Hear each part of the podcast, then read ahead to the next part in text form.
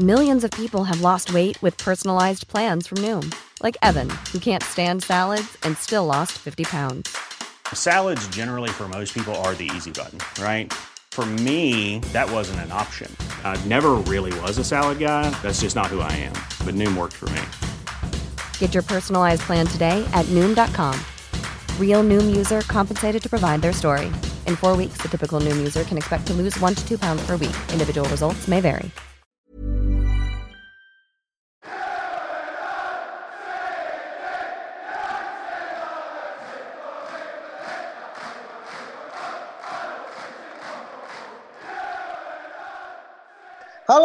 Pendengar GGMU, balik lagi di podcast uh, Ganteng-Ganteng Manchester United. Sebelum kita mulai, uh, gue punya sebuah informasi yang mungkin buat teman-teman yang dari kemarin uh, mencari uh, GGMU punya sosmed gak sih? Dan kita baru aja kemudian meluncurkan sebuah sosmed, tapi bukan di Instagram, tapi di Twitter. Biar enak untuk misalkan kalau misalkan ada tim oleh in oleh out, teman-teman bisa langsung serang-serang. Iya. Kita memberikan platform. Platform kerusuhan ya. Pokoknya kalau admin, kalau adminnya bikin sebuah statement yang aneh gitu, lu mau serang serang aja langsung. iya, bener. Namanya itu adalah at GGMU Podcast. Betul. Jadi kalau teman-teman lihat yang warnanya ada hijau sama kuning, uh, nah itu adalah uh, platform kita dan teman-teman silakan kemudian uh, serang aja, tag aja adminnya kalau perlu biar dia nongol. Kalau nggak Iya, dibalas, iya. Kita kita nggak tahu adminnya yang mana gitu, tapi Oh iya benar, benar benar biasanya kalau kalau opini itu berseberangan sama opini publik adalah gitu yang Oke oke. Nah pada kesempatan kali ini uh, kita pengen bahas sebuah rumor yang sebenarnya uh, dalam minggu kebelakangan ya, terutama setelah uh, negara uh, yang diwakilkan oleh pemain ini kemudian cabut dari Euro yang tanpa uh, gue ekspektasikan gitu kan kalah dalam drama adu penalti. Dan teman-teman pasti tahu lah dia siapa dia adalah orang yang kemudian bisa dibilang missing puzzle selain daripada Jadon Sancho gitu kan. Dan gue bisa merasakan feeling trofi itu akan uh, akan datang karena ini adalah sebuah duet maut yang kemudian ditunggu-tunggu cuy Hmm. Dan- tidak terbayang. ya. ini ibaratnya kayak lu lu lu mempertemukan antara Colossus dan juga apa ya Spartan kali ya kayak lu lu punya orang yang kemudian ya gue nggak yakin gue nggak tahu juga ya uh, seberapa klub uh, dua ini akan kemudian uh, bisa bermain tapi gue nanya ke Saung nih apa yang lu ekspektasikan dari kombinasi Varane dan juga Maguire om dalam musim depan meskipun ini masih angan-angan Wah, kalau misalnya jadi fix ya ini era Rafael Varane dengan Harry Maguire, bro. Kayaknya tabel apa Liga Inggris tuh ini udah udah nggak adil men gitu loh. Jadi kayak kita ngegolin terus tapi nggak kebobolan sama sekali. Jadi kayak mending gawangnya gawangnya mending cuma satu aja gitu. ini di ini ini tuh apa ya? Ini tuh Master League stuff Ben gitu loh, ngerti ya?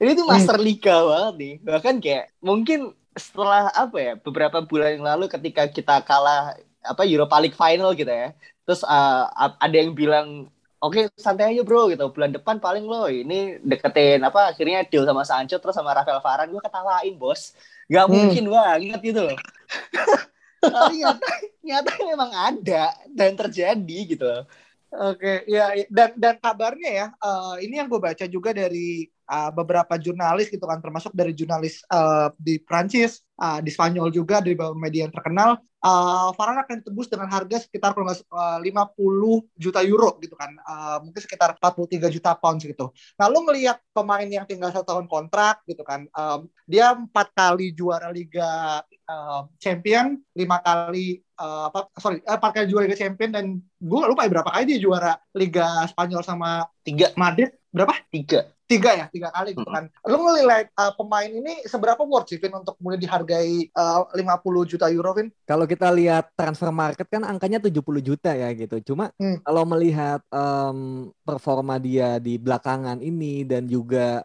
melihat eh, kontrak yang tinggal setahun lagi, buat gue sih 70 itu bahkan 60 itu masih kemahalan buat gua gitu. Karena memang menurut gua kontrak setahun itu benar-benar em, bargaining posisinya ada di tim lain, bukan di Iya. bukan di tim pemiliknya gitu. Jadi sebenarnya buat gue tuh masih bisa ditekan sampai 40 atau 45 gitu. Seperti yang kita tahu juga biasanya kalau misalnya tawaran itu datang dari MU itu harganya bakal inflated mungkin 10%, 15% ya kan. Jadi Hmm. Menurut gue dari rumor yang beredar angka 50 juta itu masih bisa ditawar lagi. 45 menurut gue masih masih bisa. Ini ini ini dirampok men Real Madrid. Tuh sebenarnya. sebenarnya ya posisinya soalnya sama-sama gak enak gitu loh kan. Eh, kontrak tinggal setahun Varane itu udah udah mau pindah sejak musim 2019 Hmm. nah eh, apa Real Madrid nggak punya duit ya kan mereka nabung nggak tahu sampai kapan buat beli Mbappe gitu ya. Dan ya udah mau mau gimana lagi kalau misalnya nggak mau jual musim ini ya apa musim depan free gitu loh Hmm. bahkan kalau misalnya apa ya gue sih pengennya MU tuh agak ini deh apa namanya ada ada tanda-tanda terima kasih sedikit lah maksudnya kayak lo kasih aja Real Madrid kayak misal 40 juta plus Phil Jones gitu loh jadi kayak mereka nggak hilang banget ya kan Iya. Kasihan men gitu loh Iya. Ta- tapi tapi gini kan, maksudnya yang gue baca juga sebenarnya kan dia eh, Madrid kan juga punya ini ya semacam dia nabung untuk kemudian membenahi Santiago Bernabeu kan. Itu yang kemudian kenapa akhirnya dengan penjualan pemain harapannya bisa kemudian menopang itu selain kemudian dia nabung buat Mbappe gitu. Nah, eh, dia kemudian eh, gue nggak tahu ya katanya minggu depan eh, minggu keempat bulan Juli eh, MU bakal ngebid gitu kan. Nah, dengan kemudian kita apa namanya eh, akan punya duet Maguire dan juga uh, Varane gitu. Lu ngelihat kemudian apa yang kemudian akan berubah, Ung, dari strategi MU di musim depan dari segi permainan uh, bertahan, Ung? Eh, kalau misalnya perubahan gitu ya yang dibawa sama Farhan gitu. Jadi kalau misalnya kita lihat di Twitter ya di akun-akun media eh, siang ini itu udah mulai ada analisis bahwa sepertinya Ole ini akan mencoba sistem baru, mencoba sistem baru dengan dengan formasi 4-3-3 dan meninggalkan 4-2-3-1 yang dua musim terakhir ini dipakai gitu. Jadi Hmm. 4-3-3 ini akan menggunakan satu holding midfield dan juga dua pemain dengan tipe nomor 8 yaitu kemungkinan mungkin Bruno, Pogba dan juga Van de Beek di situ.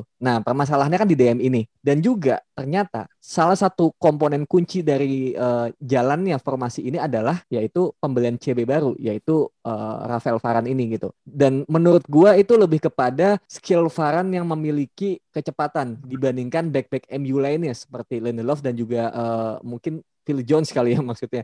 Kalau Bayi menurut gue dia punya kecepatan, cuma terkadang dia itu masih kurang bagus dalam uh, offside trap atau misalnya koordinasi pertahanan uh, yang baik gitu. Jadi dia as individual tuh bagus. Jadi kalau misalnya lu one on one sama Eric Bayi itu dia nggak bisa dilawatin. Dia pasti Hmm. bakal bagus. Tapi kalau misalnya lu pada situasi offside trap atau misalnya corner kick dan juga free kick yang umpan crossing itu Hmm. lu lu mungkin bisa melihat bahwa Eric Bayi ini kurang bagus dalam posisi-posisi kayak Hmm. gitu. Dan Hmm. menurut gua hal-hal seperti itu dan juga eh, menghadapi situasi counter attack itu Rafael Varane bakal sangat berguna, terutama untuk Hmm. Iya, dan dan ditambah dalam artinya gini ya, kayak satu hal yang kita cari di se- seorang pemain kan adalah pengalaman dia juga gitu kan. Itu yang mungkin ketika kita misalkan ngincer Pau Torres atau mungkin Julius Konde gitu kan, mungkin dia punya potensi gitu kan. Eh, tapi secara pengalaman, secara jam terbang, eh, mentalitas yang emang kita cari dari seorang pemain ketika misalkan musim depan kita harus ke final, semifinal, tipikal pemain kayak Varane gitu kan yang kemudian bisa diharapkan membangkitkan eh, marwah MU gitu kan yang kita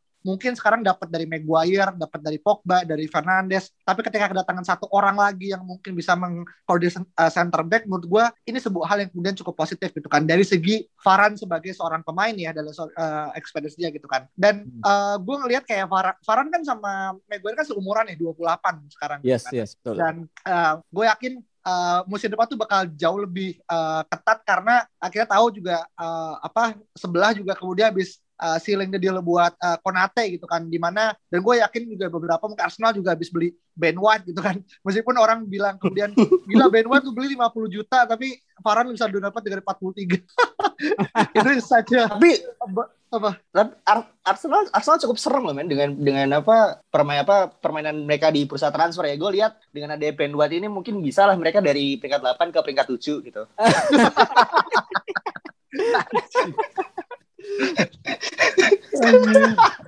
Aduh. Dek, dek, mereka tuh udah udah udah bela- belanja pemain banyak masih jadi bentar klub ya anjir. Iya iya.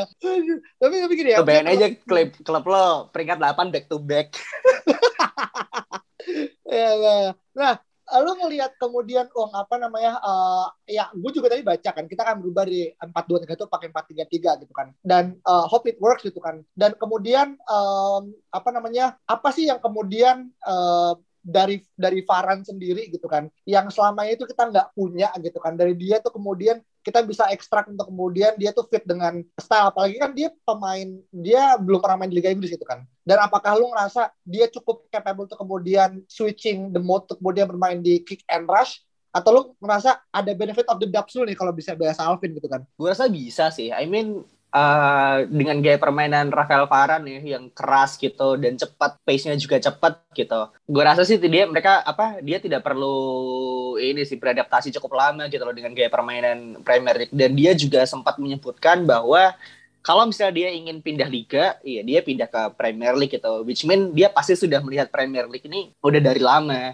seperti itu dan kalau misalnya ada yang berubah uh, ini sih Faran Faran tuh ngasih ini men apa ya sem, semacam psychological things to to opponents and as well dengan tim kita sendiri gitu loh. Lo bayangin ini selama bertahun-tahun kita punya Smalling dan Jones man. Hmm. gitu kan. Dan sekarang lo punya Harry Maguire dan Rafael Varane. Jadi kayak perbandingan perbandingannya tuh benar-benar drastis banget. Di mana tim-tim yang sebelumnya gitu misalnya bertanding ke Old Trafford mereka kayak ya udah gitu. Old Trafford gitu biasa aja. Lo lihat hmm. aja pemainnya seperti apa gitu. Dan sekarang lo ada lo ada Rafael Varane dan ada Harry Maguire. Lo ngelewatin satu Harry Maguire belakangnya ada Rafael Varane. Hmm. kan mending striker-striker gitu kan mending lo pensiun dini gitu loh. No chance. I mean itu itu itu itu yang bikin apa ya? Yang bikin MU ini secara secara mentality harusnya sudah lebih baik daripada musim-musim sebelumnya gitu. Hmm. Karena kita punya back yang akhirnya uh, berpengalaman dan sudah terbukti bahkan di Liga Champions gitu ya. Hmm. Walaupun ada Cristiano Ronaldo juga di sana, cuman dia pun berhasil ini men apa ibaratnya tuh ngedrop si PP gitu loh. Walaupun PP hmm. juga karena usia juga, cuman kan hmm untuk untuk untuk bikin PP drop dari starting line up dan lo berpartner sama Sergio Ramos selama bertahun-tahun itu kan membuk, membuk apa membutuhkan uh, performa yang luar biasa hmm. seperti itu. Hmm. Itu itu ya, tuh ya. karena kebetulan PP lagi kartu merah cuy. Biasa bisa El Clasico kan kartu merah dia tuh PP. Nah, Paran masuk itu di situ. Curi itu cerita, iya, betul. ya. Iya tapi Betul. Tapi tapi benar sih maksudnya uh, dalam arti juga bahwa dari sisi tadi kan kita mungkin banyak uh, bahas dari sisi defensif ya. Tapi ternyata dari segi attacking itu kalau gue lihat di situs Huskor itu ternyata salah satu atribut terbaiknya dia adalah passing. Yang mana uh, sebenarnya ini adalah kesamaan skill yang dimiliki juga oleh Lindelof dan juga Harry Maguire gitu. Jadi memang memang kita tuh udah udah menjadi sebuah tim yang jelas pola permainannya seperti apa. Maksudnya adalah uh, kita tuh sudah mau membangun penyerangan tuh dari belakang, dari kiper. Dari mulai hmm. kita mungkin uh, ingin mematenkan Dean Henderson gitu kan yang mungkin dari segi passing menurut kita juga lebih bagus kan dan juga hmm. kemudian dari uh, backnya juga lebih bagus Varane dan juga Maguire. Dua-duanya sangat fasih dalam megang bola gitu. Dan tinggal bagaimana kemudian kita memiliki sebuah atau seorang DM yang bagus juga atau kita punya seorang bek kanan yang bagus. Jadi ketika Maguire nanti ke show itu mandek, kita punya Varane dan juga satu bek kanan yang sama bagusnya gitu loh. Seperti hmm. halnya Maguire dan juga show. Jadi ini benar-benar menurut gua strategi uh, transfer yang seharusnya satu pemain itu bisa menarik pemain lainnya untuk datang dan juga ketika disatukan jadi sebuah tim ini tuh jadi sebuah tim yang kohesif gitu. Iya benar benar benar karena karena bener ya kayak uh, dan ini juga akan berdampak kan gitu. Kayak kita pernah bahas sih sebelumnya terkait dengan Pogba bagaimana kemudian dia membutuhkan uh, tim yang kemudian mendukung dan gue yakin keberadaan Varane akan most likely mem mempengaruhi pola pikir dia juga kan. Itu gue stay aja lah gitu kan. Lu pindah ke mana kemudian akhirnya uh, MU pun lagi di rebuilding gitu kan. Ter tergantung dari bagaimana kemudian nantinya uh, Pogba akan kemudian melihat situasi gitu kan. Tapi gini, gue mau bahas sejarah sedikit gitu kan. Sebenarnya MU kan bukan kali pertama kita dikaitkan dengan Varan. Di tahun 2013 uh, kita pernah dikaitkan juga gitu kan uh, dan dari Varan ketika masih di Arsenal gitu kan. Uh, dan gue gue ingat banget tuh pas uh, rambutnya dia tuh masih hampir mirip kayak uh, Rio Ferdinand ketika yeah. era 2007-an gitu kan. Tapi saat itu memang kita nggak bisa cukup uh, banyak andil karena terlepas Alex kemudian masih in charge, tapi uh, intervensi Zidane yang kemudian akhirnya membuat French Connection kemudian ini kan apa namanya klik gitu kan. Dan somehow sekarang Zidane cabut dan mungkin ini bisa jadi salah satu pertanda ya mungkin kenapa Varane tetap stay kemarin karena Zidane juga gitu. Nah, lu ngelihat kemudian Varane ngelihat Zidane oke okay, secara main dia oke, okay, secara pelatih juga well terlepas skuadnya bagus tapi dia bisa membuktikan gitu kan. Lu ngelihat dia kepada Ole gitu kan kayak dan dia bilang dia udah gak tertarik lagi dengan project yang tawar sama Madrid gitu kan which is dia nyari tantangan. Tantangan seperti apa sih Ung yang yang lu ngerasa kayak MU itu bisa ngasih ke dia gitu Ung? ini nih ini jawabannya pasti. Gue menunggu. ini lo ini deh lo lo lihat lo lihat di Twitter ya. Uh, Varane itu udah jadi apa back utama Real Madrid dan timnas Prancis selama bertahun-tahun gitu ya. Dan dia juga berada di bawah uh, kepemimpinan uh, Zinedine Zidane gitu. Dan sekarang dia mau pindah ke Manchester United dan ingin bekerja di bawah asuhan oleh Gunnar Solskjaer. I mean, uh, gue nggak tahu ya. Maksudnya apakah memang beneran gitu? Si Farhan ini kayak wah anjir gue pengen main nih sama uh, Bapak Solskjaer ya kan? Atau memang dia memang butuh butuh tantangan yang lebih lebih apa ya lebih lebih lebih gede lagi gitu. Tapi masalahnya kalau emang dia ingin punya tantangan yang lebih besar gitu di, di Liga Inggris ya ya memang tempatnya di di Manchester United gitu loh. Tapi kalau misalnya dia pengen punya apa ya ibaratnya kayak uh, kayaknya apa di MU mungkin terlalu gampang deh gitu tantangannya Maks maksudnya kayak sebelah gue ada ada Harry Maguire nih gitu belakangnya ada Henderson atau De Gea depan masih ada Pogba gitu hmm. tapi kalau misalnya dia pengen punya tantangan yang lebih besar ya mungkin bisa pindah ke Arsenal gitu lo belakangnya kiper siapa gitu atau depannya ada siapa gitu mungkin mungkin dia akan akan beneran apa ya kayak anjir gue tantangan banget nih men gitu loh yeah. cuman hmm. ini ini berarti uh, dia melihat sesuatu di Manchester United gitu men. Dan juga uh, hmm. gue gue rasa dia punya apa ya uh, punya ini sih punya ketertarikan sendiri gitu loh. Bahkan gue sempet lihat hmm. ada foto online gitu ketika gue lupa waktu itu di rumahnya tuh di mana gitu. Belakangnya tuh ada ini cuy uh, fotonya Eric Cantona pakai oh iya iya benar benar Betul. Iya, iya, iya. Betul. Jadi memang memang memang dia melihat uh, apa ya? Somehow dia mungkin melihat dirinya di situ gitu, di Manchester United dan it, ini yang membuat gue yakin bahwa Real Madrid dan juga Rafael Varane tidak menggunakan nama MU untuk perpanjangan kontrak seperti hmm, itu. Iya. Hmm. Dan juga dia kan juga tahun lalu habis ganti agen kan agennya yang kemudian sekarang Betul. bagaimana banyak orang mengkaitkan agen yang sekarang ya gini kayak lu nggak mungkin pemain ganti agen kalau nggak untuk kemudian for uh, looking for a challenge gitu kan. Kayak lu ngapain kalau misalnya stay lu mesti ganti agen gitu kan. Kasarnya kan gitu ya. Dan itu yang kemudian menambah rumor panas gitu kan. Tapi gini Vin kalau lu lihat uh, videonya Coach Justin kan dari mulai Sancho lah gitu kan. Kayak kayak lu lu menilai sebuah pemain itu bagus apa enggak kan dari seberapa seberapa ramai klub tuh kemudian chasing after him gitu kan. Dan kita tahu sekarang rumornya Varane tuh ya ke MU. Gue nggak ngeliat, eh, ya mungkin ada ke PSG tapi PSG udah punya Ramos gitu kan. Unless ya, mungkin. dia mau jual, mm-hmm. iya dia mau jual Kim Pembe, mungkin bisa jadi salah satu ya. Cuman uh, siapa lagi itu kan Chelsea dan segala macam. Nah, lu ngeliat apakah dengan MU seperti it means akhirnya orang lihat value Varane tuh kemudian udah berkurang dan gak kayak Varane 4 tahun dari lalu atau pure ini karena emang situasi pandemik, financial issue, ya MU akhirnya memperkosa pasar gitu, Vin. Ya itu itu jawaban terakhir itu ada benernya juga gitu. Tapi ada jawaban lain yaitu memang biasanya kalau udah di, dikaitin ke MU itu uh, kelihatannya kayak downgrade gitu ya kan. Dan pada yeah, akhirnya yeah, kita yeah. bisa melihat bahwa sepertinya publik termakan oleh omongan-omongan bahwa kalau yang mau main ke MU dari tim seperti Madrid atau Bayern nih ya berarti emang sesimpel dia udah jelek gitu kan. Jadi udah tidak diinginkan oleh tim sebelumnya dan ke tim yang lebih jelek gitu. Jadi tapi itu bukan bukan berarti pemain itu jadi uh, value-nya berkurang gitu. Itu menurut gua kalau misalnya terkait dengan Varan musim ini gitu, ya mungkin kita juga bisa um, melihat secara ini ya uh, sekilas gitu. Tim mana yang sepertinya mungkin untuk mendatangkan satu CB lagi gitu. Dan kalau misalnya kita lihat Arsenal gitu Arsenal mungkin out of race ya karena ya dia tidak ada sesuatu yang ditawarkan gitu. Jadi gitu. Dan ya, betul. Lo Kateli aja ngejadiin Arsenal badut doang gitu kan dia tuh UK gitu. Udah udah udah ketahuan lah gitu. Kemudian Chelsea Chelsea uh, mungkin mungkin Chelsea bisa gitu. Cuma sepertinya Chelsea ini lebih ingin pemain-pemain seperti Holland dan juga uh, yang lebih uh, apa superstar gitu kan. Kemudian hmm. juga oh dan kemarin juga dia habis Thiago Silva gitu. Kemudian Manchester City backnya menurut gue udah udah oke okay lah dan juga okay, Laporte gitu. aja belum belum kepake. Spurs hmm. sama aja lah nggak ada value juga sama kayak Arsenal kan. Liverpool hmm. juga dia uh, baru beli Konate dan juga Van Dijk bakal kembali dan bebek lainnya kembali gitu. Jadi hmm. uh, terus kemudian oke okay, PSG gitu. PSG juga baru beli Ramos gitu. Dia backnya udah ada tiga dan sepertinya nggak butuh untuk back banyak-banyak ya di Liga Prancis gitu. Ini kalau Liga Italia ya kan, Liga Italia Juve, Juve back udah bagus gitu kan. The aja jarang main, kemudian AC Milan kayaknya nggak juga gitu. Inter juga back banyak. Jadi Spanyol ke Barcelona nggak mungkin. Bayern juga kayaknya enggak deh gitu baru beli Upamecano. Jadi memang ya kan, ya kan? Memang memang sama-sama ya. Tim-tim sama-sama nggak punya duit itu. Tim-tim sama-sama nggak punya duit, men. Lo gimana?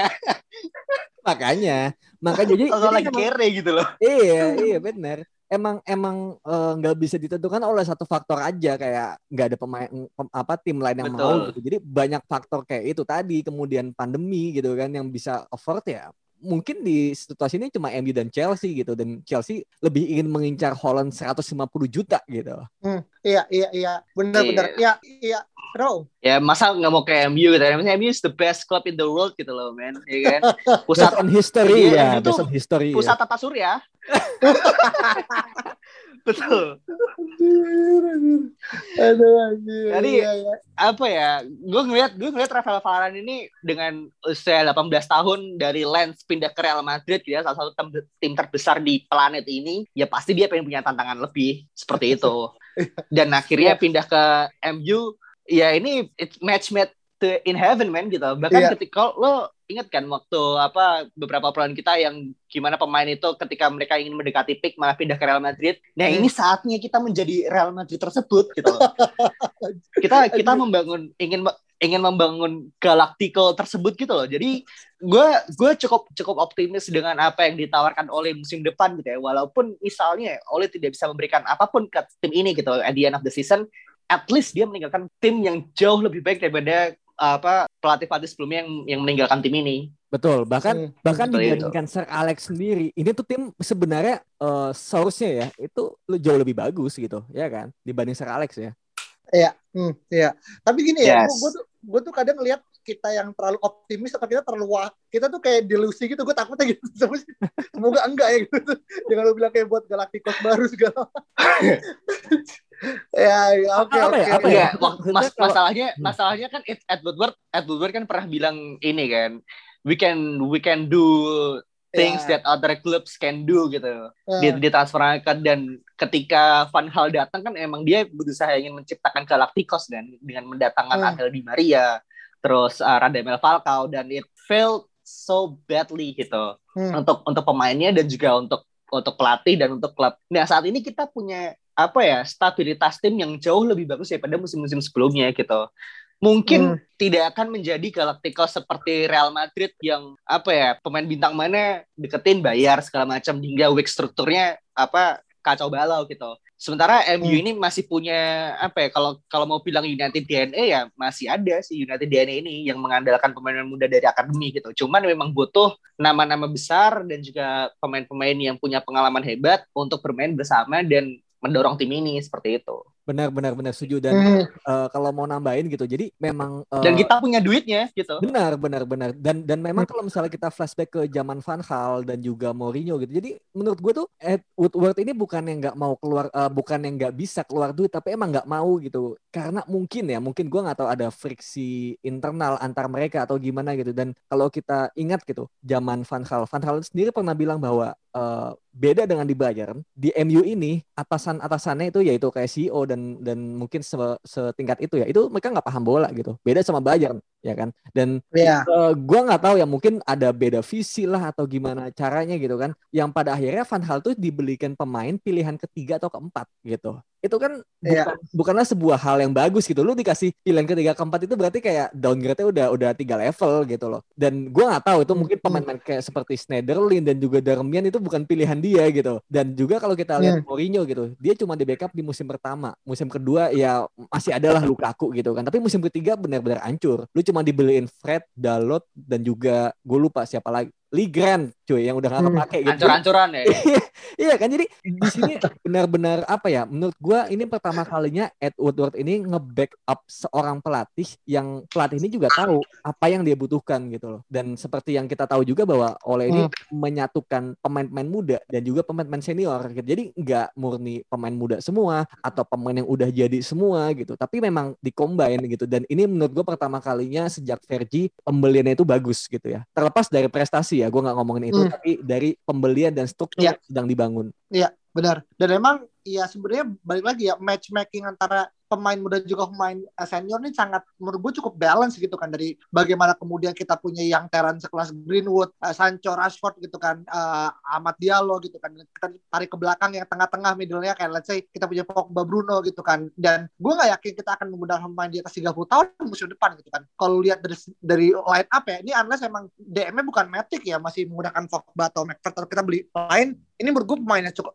squad yang cukup sehat gitu kan below 20 eh, bahkan gak ada yang di atas 29 kalau nggak salah deh. Kayak di bawah 28 semua Maguire 28 Varane 28 Fernandes 28 juga gitu kan. Kecuali ada Cavani. Cavani ya tentu Hmm. 34 kan gitu kan. Tapi ya kita kan lihat Cavani kan sebagai short term solution gitu kan. Dalam artian not in the long run uh, ini kan. Tapi menurut gue ini memang sangat-sangat baik banget. Dan juga balik kepada uh, apa namanya concern back gue tuh takut ini ketakutan gue gitu kan. Kalau mungkin dia panjang kontrak gue nggak yakin karena dia udah pertama udah pindah agen. Gue tahu tuh nih cuy kalau inget tuh tahun 2000 berapa ya? 13 tuh 14 ya? Kita pernah disambut sama Otamendi cuy.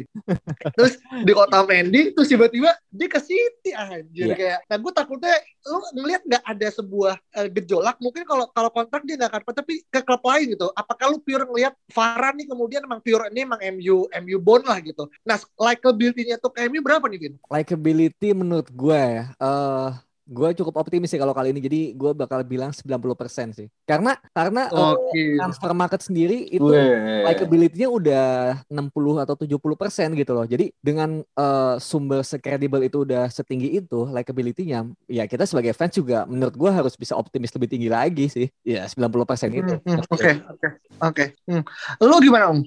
Hmm, gue expect ini masih akan apa ya, berjalan cukup lama ya, mungkin 2 sampai 3 minggu lagi gitu. Dan 2 sampai 3 minggu ini pasti akan mungkin masih ada faktor-faktor lain gitu. Mau apa apakah si Real Madrid mau menurunkan harganya atau tidak gitu karena uh, kondisi kayak keuangan dan segala macamnya. Dan MU pasti juga punya nama-nama lain walaupun apa ya, mungkin tidak tidak sebesar Ra- Rafael Varane gitu. Jadi mu- gua gue rasa sih ada sekitar mungkin 70% lah Hmm, oke. uh, Gua kira- likability Varane ke Manchester United. Gue kira lu bakal jawab 95. Wah. Tuh, Nggak, gue men, mencoba ini bro, menahan, nahan ekspektasi gue sendiri. Oh iya iya. gue mencoba menahan ekspektasi gue sendiri gitu. Oke. Iya, iya, iya, iya. Oke, oke. Oke. Kalau kalau emang deal ya mending mending Premier League tutup aja kan sih. Anjir. Oke oke. Iya oke. Mungkin bahasan Varan eh, apa ya cukup apa ya cukup kompleks dan juga kita nunggu gimana keputusan karena menurut gue minggu depan tuh minggu keempat bulan itu adalah krusial gitu kan. Pertama terlepas Sabtu ini, Sabtu tanggal 18 kita akan ngelawan Derby Country untuk pertama kali pre-season. Tapi after that, apa namanya, banyak pemain masih liburan gitu kan. Dan juga uh, season belum mulai. Dan gue yakin Woodward, Murto, dan juga Ole akan terus kemudian chasing players. Dan gue yakin Paran pun kalau jadi bukan pemain terakhir yang kemudian tanda harapannya itu ya. Karena kita masih punya satu slot di DM yang kemudian nanti akan coba kita bahas juga kalau ada pemain yang kemudian datang gitu kan. So, stay tune aja di podcast GGMU. Jangan lupa follow uh, Twitter kita. Sekali lagi di GGMU uh, Podcast. Dan sampai jumpa di pertemuan berikutnya. Dadah.